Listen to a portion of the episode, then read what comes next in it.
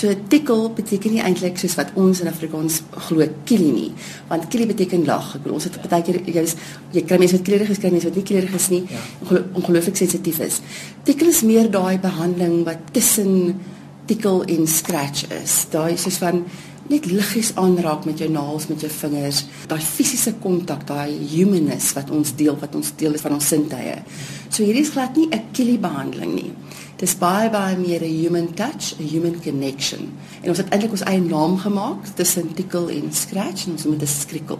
Hoekom het julle die behandeling so ontwerp dat daar nie so baie aanraking is nie, maar 'n ligte Krap. Ons het dit al begin met Elaine se dreienchal. Die sin van sy is een van daai mense wat heeltyd rondloop en sê, "Ag, tikkel my bietjie, tikkel my kop, tikkel my rug." En soos ons weet, is aanraking een van jou eerste sintuie wat ontwikkel as 'n kind.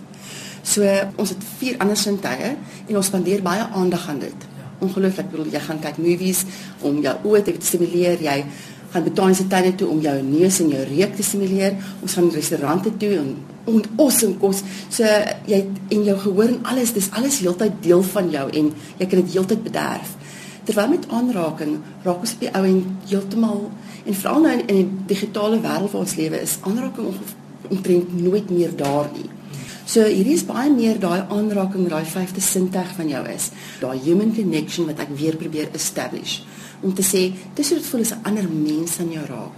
Dis hoe dit voel as jy as iemand jou fisies net aanraak, net met liefde en net liefde alles weer oordra.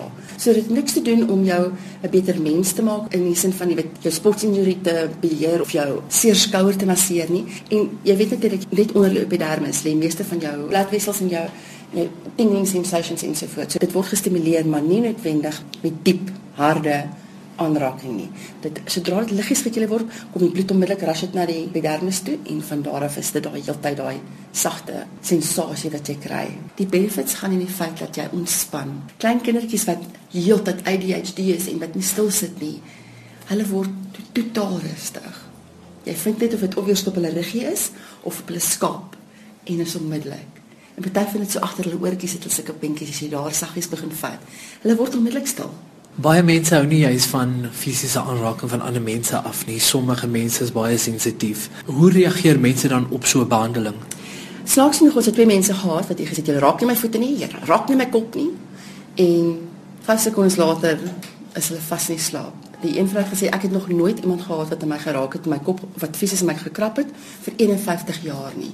So selfs met daai sê ons van die eerste groep wat ons vra is sê vir ons, wat wil jy nie jy moet kan raak nie.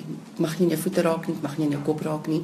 En dis heeltyd 'n 'n learning experience en elke mens is anders. Wat vir my baie sensitief gaan wees, gaan byvoorbeeld nie vir jou sensitief wees ja. nie. Wanneer 'n mens nou hierdie tipe terapie wil aanbied, hoe leer jy om dit te doen?